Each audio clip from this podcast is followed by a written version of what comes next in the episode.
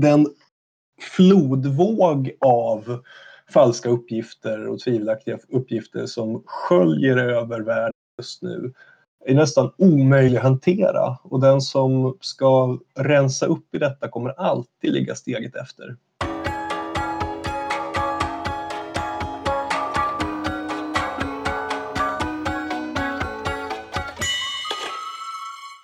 Hej och välkomna till Smedjan-podden. Eh, jag heter Maria Eriksson och idag ska vi prata om desinformation. Det vill säga när olika aktörer medvetet sprider felaktig information. Och för att prata om det här så har jag idag med mig Henrik Sundbom som är Senior Fellow i Tankesmedjan Fri Värld. Hej Henrik! Hej Maria! Du är ju expert på den här typen av eh, påverkansoperationer och har i dagarna kommit ut med en rapport som du har skrivit tillsammans med Patrik Oksanen eh, som eh, just handlar om desinformation i skuggan av coronakrisen. Eh, det, kan man sammanfatta det så som att olika aktörer tar tillfället i akt här nu och sprida desinformation? Ja, och eh, det är ju egentligen ganska typiskt i en, en eh, krissituation att eh, det är väldigt många som känner sig osäkra på vad det egentligen är som händer och fler än vanligt som tillbringar mycket tid vid sina skärmar och sitter och letar efter information och då finns det olika aktörer som eh, av antingen politiska eller ekonomiska skäl utnyttjar den eh, osäkerheten eh, för att, att sprida falska uppgifter. Ja, för saker och ting händer ju ganska snabbt och det svårt tänker jag mig även om man liksom har eh, god vilja att alltid ha rätt information och veta vad som händer. Precis, och det är naturligtvis svårt även för journalister och myndigheter och, och eh, alla typer av experter att alltid förmedla korrekt information. Och därför är vi också väldigt noggranna med att vi gör en skillnad här på missinformation och desinformation där missinformation är det oavsiktliga spridandet eh, av, av ehm, uppgifter som inte stämmer medan desinformation det är just det, eh, den medvetna lögnen som fyller ett syfte och det är ju i första hand den som, som jag och Patrik Oksanen har eh, studerat i den här rapporten. Ja, den medvetna lögnen, om vi skulle komma in på lite konkreta exempel då, så tar ni upp eh, flera olika fall både från Kina och Ryssland och en del här i, i västvärlden också. Ska vi börja med, med Kina kanske? Mm. Och Kina är, det är ju ganska naturligt att Kina är en stor aktör här därför att Kina spelar ju en oerhört central roll i hela denna eh, coronapandemi i och med att det var där smittan startades, mm, väldigt sannolikt där också smittan uppstod. Och eh, eh, Kina var ju också först med att, att drabbas hårt och, och, och Eh, var tvungna att hantera det här. Och Kina är ju en, eh, en av de stora aktörer som aktivt arbetar med desinformation och propaganda ute på den internationella arenan. Vi har ju länge pratat om rysk påverkan som ett stort problem men de senaste åren har vi ju sett hur Kina verkligen eh, trappar upp sitt internationella propagandaarbete. Och eh, den kinesiska linjen här den handlar ju i första hand om att Eh, dels eh, skönmåla de egna insatserna. Eh, vi vet ju att initialt framförallt så var ju den kinesiska kommunikationen allt annat än ärlig och att det finns nog en hel del som Kina hade kunnat göra på ett tidigt skede men det där vill man gärna förtiga och istället lyfta fram hur man snabbt har fått bukt med problemen. För, men för så har ju bilden blivit lite grann idag om man även lyssnar på många kommentatorer här så låter det ändå som att med Kina har ju gjort väldigt mycket rätt och man har lyckats eh, stävja det här. Mm, absolut. Är, är det uh, desinformation det, som vi inte ska tro på? Alltså jag ska inte säga att alltså desinformation behöver ju heller inte vara en, en lögn. Det kan ju vara eh, halvsanningar och ett medvetet urval av uppgifter som fyller ett syfte. Och eh, Kina pratar gärna om eh, vad man har gjort i ett senare skede och, och det som har fungerat men att man eh, försökte tysta ner saker och ting i början då och kanske inte kommunicerade ärligt. Det är ju ingenting som man gärna pratar så mycket om. Men sen ser vi också det kinesiska, eh, kinesiska aktörer som har en vilja att eh, skjuta, den här, skjuta skulden för pandemin ifrån sig och, och mm, komma bort från de sannolika förklaringsmodellerna att det här ju faktiskt uppstod då på, Eh, på marknaderna i Wuhan och istället få det till att det kan vara ett biologiskt vapen till exempel som, som USA skulle ha utvecklat eller någonting som har kommit till Kina en populär teori just nu är att den ska ha kommit till eh, Wuhan med amerikanska soldater som kom dit för en idrottstävling. Eh, och det är ju typiska sådana sätt då att man, man försöker att säga att det är faktiskt inte ett kinesiskt virus utan det här kan mycket väl vara så att det är ett amerikanskt virus eller till och med ett, ett eh, biologiskt vapen från USA eller någon annan. Och när du pratar om aktörer som sprider det här, vilka är det då? Och från Kinas sida så ser vi ganska många olika aktörer men kanske allra tydligast är det ju när de här mm, typen av konspirationsteorier kommer från eh, personer på det kinesiska utrikesdepartementet i sociala medier. Alltså där eh, det blir oerhört transparent när den typen av höga representanter sitter och sprider eh, uppenbara lögner. Och där har vi faktiskt också sett en, en samstämmighet med rysk propaganda, vilket är ganska intressant.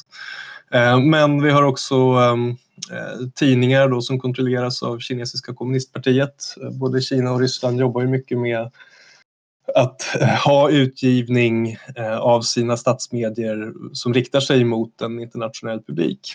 Och de kinesiska är ju inte riktigt lika framgångsrika där som de ryska men, men man ser då hur Kina kontrollerade tidningar sprider den här typen av, av berättelser runt om i omvärlden.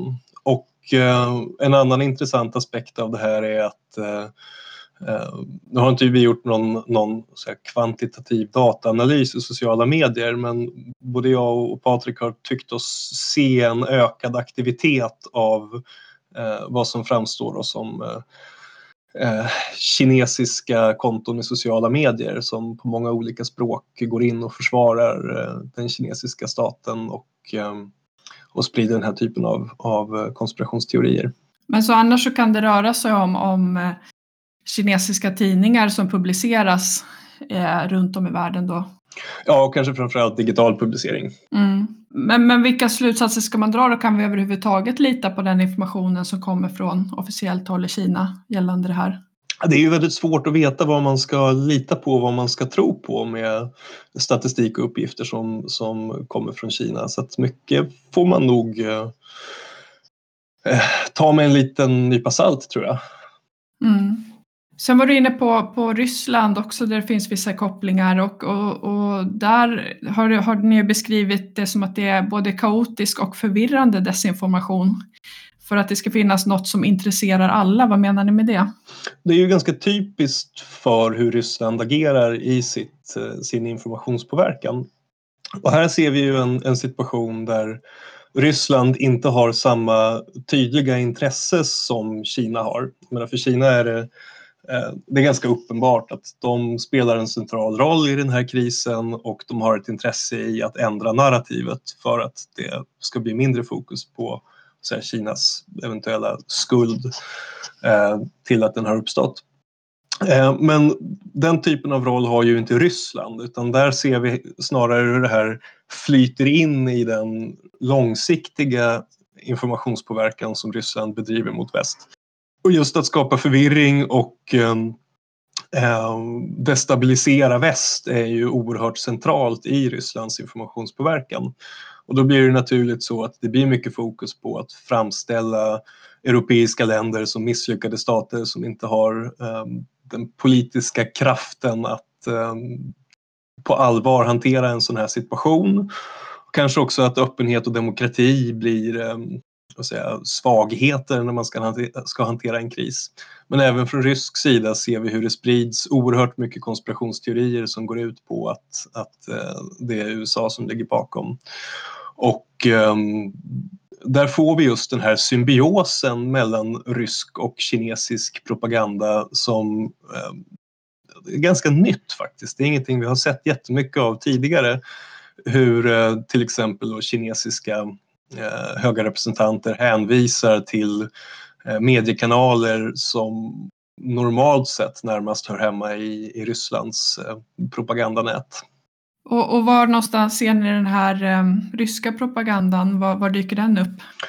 Och dels har, har man ju de stora statsmedierna då som, som RT och Sputnik. Eh, jag skulle säga att det är väl inte de som har varit de främsta kanalerna utan det blir snarare de eh, Eh, alltså, mediekanaler på nätet som är mer löst knutna till Ryssland. Eh, nättidningar och tankesmedier som inte riktigt är transparenta med vilka de är och vilka som står bakom men där man genom att titta på var de är eh, registrerade eller vilka personer som medverkar kan ana att det här är, är ehm, delar av Rysslands eh, desinformationsoffensiv eh, och som eh, under många år har spelat en aktiv roll i att förmedla ut eh, Rysslands eh, geopolitiska narrativ mot en, en västerländsk publik. Eh, och de här, den här typen av publikationer de har ju ofta sina läsekretsar långt ut på kanterna. Det är ju ofta en, säga, extremhöger eller högerpopulister och vänster Eh, vänsterradikaler som läser de här. Och ofta kan man faktiskt hitta samma budskap i olika publikationer som vänder sig till båda extremerna. Eh, och det här blir då ett sätt att, eh, att polarisera debatten och förvirra, att man jobbar med ganska lite mot den breda mitten men väldigt mycket mot de radikala delar av det politiska spektrat som har potentialen att skapa konflikt. Och det betyder också att eh, det finns sällan en, en, en stringens, en ideologisk stringens i Rysslands eh, informationspåverkan utan man kan mycket väl propagera för två stycken motsatta uppfattningar samtidigt mot två olika målgrupper för att spä på en konflikt och polarisera det politiska samtalet. Så man liksom utnyttjar konflikter eller polariseringar som kanske redan finns i det politiska spektrat och sen ja, spär på dem som du säger? Precis, och det där har man ju sett i, ehm, inte minst ehm, har man ju studerat det här noga i USA hur hur Ryssland försökte påverka det amerikanska presidentvalet och de stora kartläggningarna som har gjorts av till exempel tweets som kom från ryska trollfabriker så har man ju kunnat se hur, hur ehm, Ryssland jobbade med eh, rasism och rasfrågor där man försökte radikalisera från båda håll. På samma sätt har man gjort i eh, energipolitiken där man både har stöttat eh, budskap som handlar om att man ska eh, eh lägga ner oljeindustrin och förbjuda fossila bränslen och samtidigt stöttat eh, klimatskeptiker. Och en annan sån fråga där det också finns en en koppling då till det som vi ser nu under coronakrisen det är att man har arbetat likadant med eh, framförallt den amerikanska debatten om vaccin där man både har stöttat vaccinskeptiker i sociala medier eh, och de som är anhängare av tvångsvaccinering för att vrida upp tonläget och skapa en polarisering. Men vad är det man tänker sig att man ska vinna med, med det liksom, i längden? Vad, vad är vinsten med en ökad polarisering? Jag tror att det finns två vinster som man ser från, från Rysslands sida. Eh, det ena det är att eh, alltså de potentiella kamraterna i storpolitiken som Ryssland ser eh, som skulle kunna bli allierade, ja, men det är ju inte den breda mitten där det i många länder finns en stor skepsis mot Ryssland och Rysslands intentioner just nu. Eh, men både långt ut till höger och långt ut till vänster runt om i Europa och USA så finns det ju politiska aktörer som har en, en betydligt mera generös och vänlig inställning till Ryssland. Och kan man nå en situation där den typen av politiska krafter eh, får större inflytande, ja då har också Ryssland större möjligheter att få inflytande i väst genom goda relationer till den typen av krafter. Och det andra, det handlar naturligtvis om att Ryssland vill Eh, förändra styrkebalansen i den globala storpolitiken. Eh, Ryssland gentemot ett starkt och enat EU förhandlar alltid ur underläge. Eh, men ett destabiliserat Europa med kaos i politiken och kanske fler länder som skulle göra som Storbritannien och lämna ja, men då har man också större förutsättningar att föra bilaterala samtal och, och hamna i fler situationer där man agerar ur, ur överläge. Eh, så det finns många olika vinster som, som jag tror att man ser framför sig i Ryssland på det här eh, långsiktiga destabiliseringsarbetet som man ägnar sig åt. Är det inte så också att när man eh, liksom sprider information som är eh, väldigt motsägelsefull att det liksom skapas en allmän misstro till olika institutioner och till media inte minst? Absolut, och det är ju också en, ett uh, känt tillvägagångssätt då att uh, ju fler alternativa berättelser man sprider ut uh, desto svårare blir det att sortera ut den korrekta informationen och till sist så blir ehm, myndigheternas myndigheternas kommunikation bara en röst bland andra och det blir väldigt, väldigt svårt att veta vad man ska lita på. Eh, och tilliten till de offentliga institutionerna, det är ju någonting som, alltså den är ju, har ju framförallt varit väldigt, väldigt hög i de skandinaviska länderna och kanske Sverige i synnerhet. Eh, och, och någonting som ofta lyfts fram som en, en styrka i, i vårt samhälle. Eh, men sjunker den, vilket vi ser att den gör och framförallt i, i de väljargrupper som befinner sig allra längst till höger, ehm, ja då, då får vi en annan politisk situation där, där man eh, eh, som kanske gynnar Ryssland möjligen. Mm. Jag tänker, ni tar ju också upp att det, är mycket så konspirationsteorier som florerar och mycket av det här har ju ändå gamla historiska rötter. Det har förekommit under längre tid. Eh, är det någonting nytt vi ser eller är det bara ett eh, nytt exempel på hur man använder samma strategier? Ja, men om man tar då en, den här väldigt utbredda eh, teorin då om att det skulle vara USA eller CIA Eh, som, som ligger, bakom, ligger bakom spittan från ett laboratorium någonstans. Så det här är ju, det går ju igen sen eh, Sovjets propaganda om aids till exempel. Där hade man samma narrativ och det har återkommit om ebola och sars och, och, eh, alla möjliga smittor och det finns en lång historia som du säger av att eh, skylla, skylla pandemier eller epidemier på USA. Och, så att i, sak, I sak är det ju gammal skåpmat att man försöker få ut de här budskapen. Men det som är nytt är att alltså det här är ju den första kris av det här slaget. Den första pandemi vi ser som fullt utvecklat informations och sociala mediesamhälle. Och den digitala infrastruktur som finns idag gör informationspåverkan oerhört enkel och billig. Alltså att få ut ett budskap till miljontals människor idag eh, när det enda som krävs är eh, att man begriper lite grann om sociala medier och algoritmer och kan sitta och testa budskap jämfört med eh, för 30 år sedan eh, när man var tvungna att, att, jobba mycket, mycket, mycket mer aktivt med rekryterade personer i olika länder och eh, pamfletter som trycktes på, på tryckpressar i någon källare och sånt där. Det är, eh, det är en helt annan situation för att få ut berättelserna. Och det här var ett problem då också men den skalan som tekniken och ekonomin har kunnat få upp det i gör det till något helt annat idag än vad det har varit förut. Nu har vi pratat om Ryssland och Kina men, men väst är ju inte förskonade från de här. Eh, ni pekar ju på hur det har funnits politiker och debattörer i USA i kretsen kring Donald Trump som också hävdar å andra sidan att det är Kina som ligger bakom viruset och eh, någon slags konspirationsteori där, är det inte så? Absolut, uh, och jag skulle säga uh, och som jag sa, vi har inte gjort någon kvantitativ dataanalys. Vi, vi vet inte vilka av de här berättelserna som har nått störst läsekretsar. Men jag skulle gissa att det är de, de ehm, högerflygen av Republikanerna och nätmedier som är, är den närstående som ändå har fått störst genomslag eh, både i USA och i Europa. Eh, så att den, den är naturligtvis väldigt viktig. Och eh, där har det ju handlat mycket om, om att det här skulle vara medvetet från Kina och, och ehm, ehm, ja, men egentligen samma samma konspirationsteorier som eh, Kina och Ryssland sprider, sprider man från högerkrafter i USA. Men man vänder på dem och gör Kina till gärningsmannen. Eh, och det är ju naturligtvis inte, inte bättre på något vis.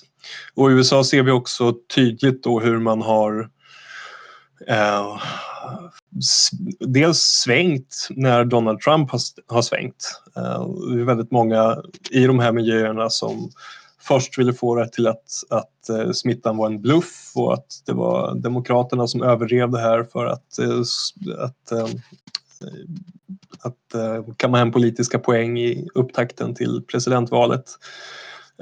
Och sen när Donald Trump har svängt och istället tar det här på allvar och säger att han alltid har förstått att det här skulle bli en pandemi, ja men då ser man hur de här samma krafter då också svänger och blir oerhört alarmistiska. Eh, men sen har ju också de amerikanska, en del av de amerikanska eh, alternativmedieaktörerna starka ekonomiska intressen i det här. Eh, och det är ju framförallt då Alex Jones och Infowars som är en oerhört viktig kanal i den amerikanska högerpopulismen.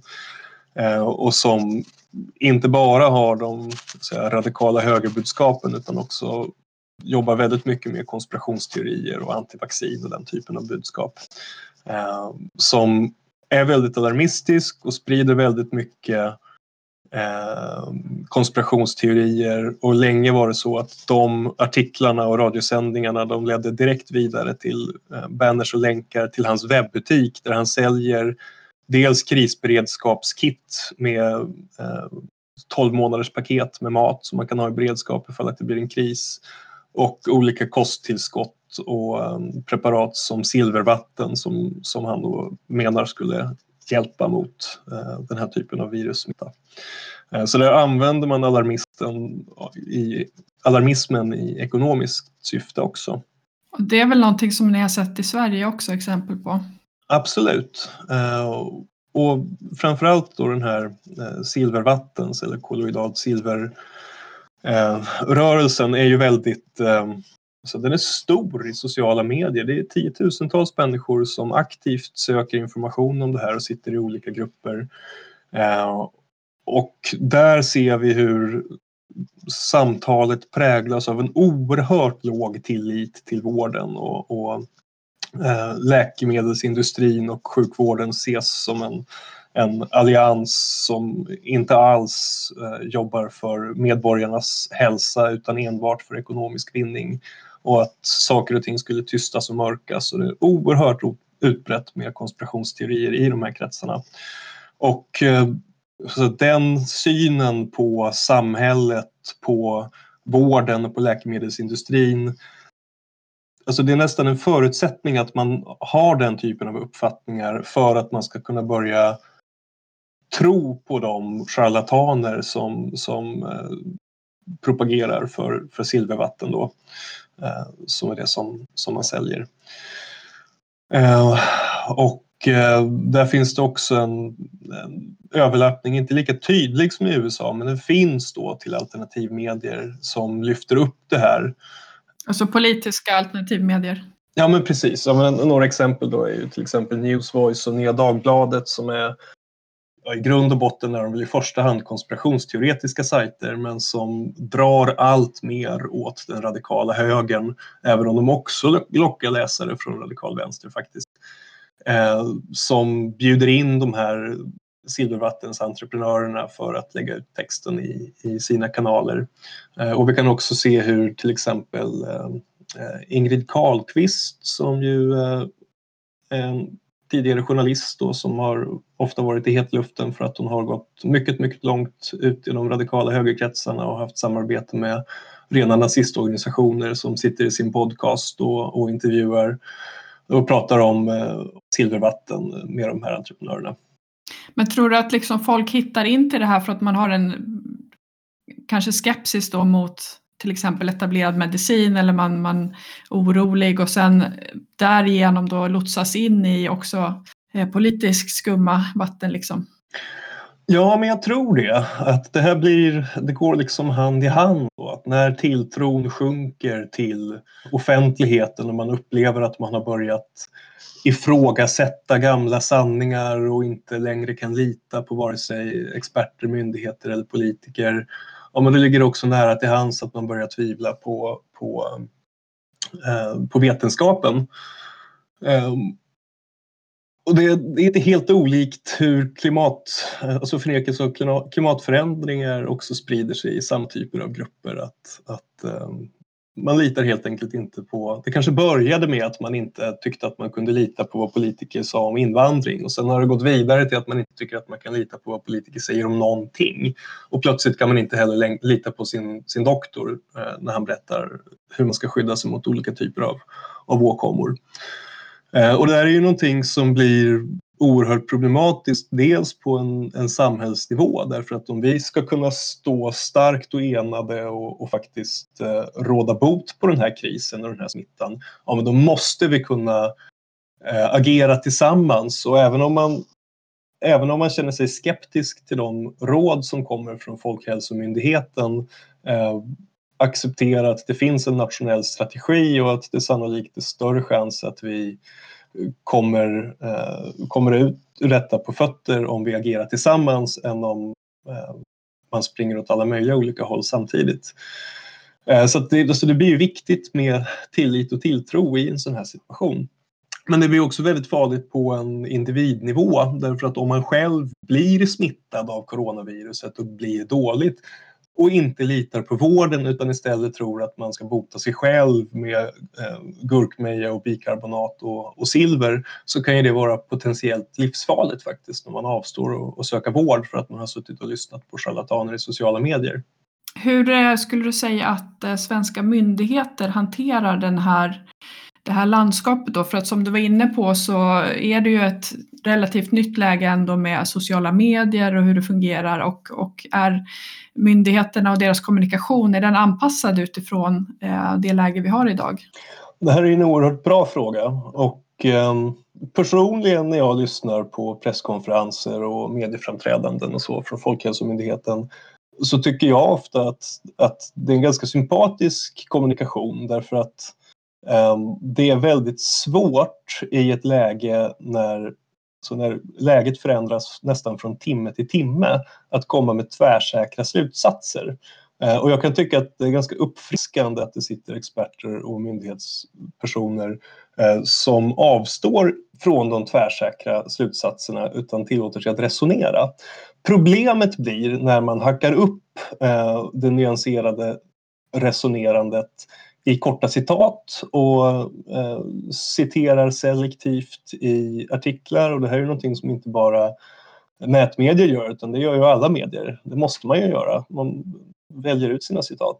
Att då kan det framstå som att man tvärsäkert har sagt en sak när man i själva verket har fört ett mer resonerande resonemang. Och det där blir inte bra när det framstår som att eh, myndigheterna blir oerhört motsägelsefulla i sin kommunikation. Å ena sidan spelar ner risker och sen spelar upp risker och så kommer med åtgärder som man inte riktigt begriper hur de korrelerar med hoten.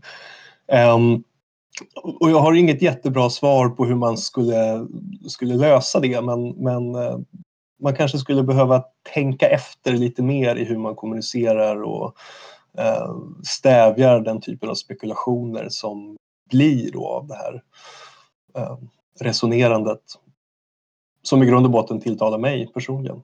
Ja, jag har inga bra svar på det. Men sen finns det en annan aspekt av, av myndighetshanterandet som, som jag har fått ganska mycket frågor på de senaste dagarna. Och det är vad ska myndigheter göra mot desinformationen? Ja. Uh, och alltså, jag tycker det, det är 10 000 kronors frågan i det här. Därför att eh, jag är oerhört mån om eh, yttrandefrihet och den öppenhet som, som vår västerländska liberala demokrati bygger på. Och hamnar man i en situation där, där myndigheter ska gå in och släcka ner sidor och, och säga vad som är sant och falskt, då eh, har vi kommit ganska långt ifrån eh, den yttrandefrihet som, som präglat Sverige under lång tid. Eh, så att, alltså från myndighetshåll tror jag att det viktiga är att man ser till att den korrekta informationen kommer ut, att den finns lättillgänglig på hemsidor och på andra platser och att man eh, hittar människor där de söker efter information med rätt uppgifter. Men att bemöta desinformationen, det tror jag i första hand är någonting som eh, journalister måste göra och eh, civilsamhällesorganisationer då, som till exempel vi på, på Fri Värld. Eh, det är där granskningen av, av det måste ske för att annars närmar man sig nästan någon form av politisk förföljelse av, eh, från myndighetssida och dit tror jag att det vore väldigt olyckligt om vi kom. Ja, jag tänker också att om, om myndigheterna skulle uttala sig allt för eh, tvärsäkert och man som du säger skulle börja gå in och rensa bland information, det skulle också kanske kunna vara en grogrund för konspirationsteorier. Absolut, så är det ju. Um, precis. Uh, sociala medierna, de stora teknikföretagen har naturligtvis också ett ansvar här att, uh, att kunna ställa om sina algoritmer. Att, uh, alltså om en sida har dokumenterat låg trovärdighet i olika frågor, att man ser till att de faktiskt inte visas högst upp i, i eh, sociala medieflöden eller i sökresultat på Google. Så att man, menar, söker man på um, hur skyddar jag mig mot corona, att man kanske inte hamnar på konspirationsteoretiska sidor med märkliga råd utan att man kommer rätt. Det är ju sånt som uh, de, sociala, de uh, teknikföretagen verkligen kan bidra med. Men det är svårt för dem. Alltså de, de gör ju ansträngningar och insatser men den flodvåg av falska uppgifter och tvivelaktiga uppgifter som sköljer över världen just nu är nästan omöjlig att hantera och den som ska rensa upp i detta kommer alltid ligga steget efter. Men hur ska man tänka som ehm, enskild individ eller medborgare då? För jag tänker att på något sätt så ligger det ändå någonting sunt i det här att man förhåller sig lite skeptisk till eh, viss information eller att man inte bara köper allting till 100 procent. Det är det som är problemet med en del av de här konspirationsteorierna, att folk köper det rakt av liksom. Och om man å ena sidan då vill, vill ha ett liksom skeptiskt förhållningssätt men utan att liksom landa i den andra änden där man inte kan lita på någonting. Var, var hittar man den balansgången? Hur ska man göra det? Ja, alltså det här är ju eh, det här är ju ett problem som vi har generellt tror jag. I, i jag menar, vi har pratat källkritik i, i eh, skolan i 10-15 år på riktigt. Eh, jag har själv bakgrund som lärare och kan säga att ibland har det där har jag sett hur det har slagit över att man har fått elever som tolkat det källkritiska tänkandet som man ska, att man ska ifrågasätta allt det som läraren säger. Och lite samma situation hamnar vi i här tror jag. Att, alltså man blir källkritisk. Alltså käll, det källkritiska tänkandet som man har, har marinerats i gör att man ifrågasätter myndigheter och experter och politiker. Och som en del av sitt ifrågasättande så söker man alternativ information hos källor som har mycket lägre trovärdighet. Um, istället för att, alltså man, man tvivlar på de, de uh, verksamma disputerade forskarna på våra universitet och sjukhus. Och istället så går man till alternativmedicinare som inte har några som helst vetenskapliga meriter för att man vill ifrågasätta. Och då borde man vara lika hård och kritisk i ifrågasättandet av de alternativa uppgifterna och då borde man inse att det kanske inte riktigt är där sanningen ligger.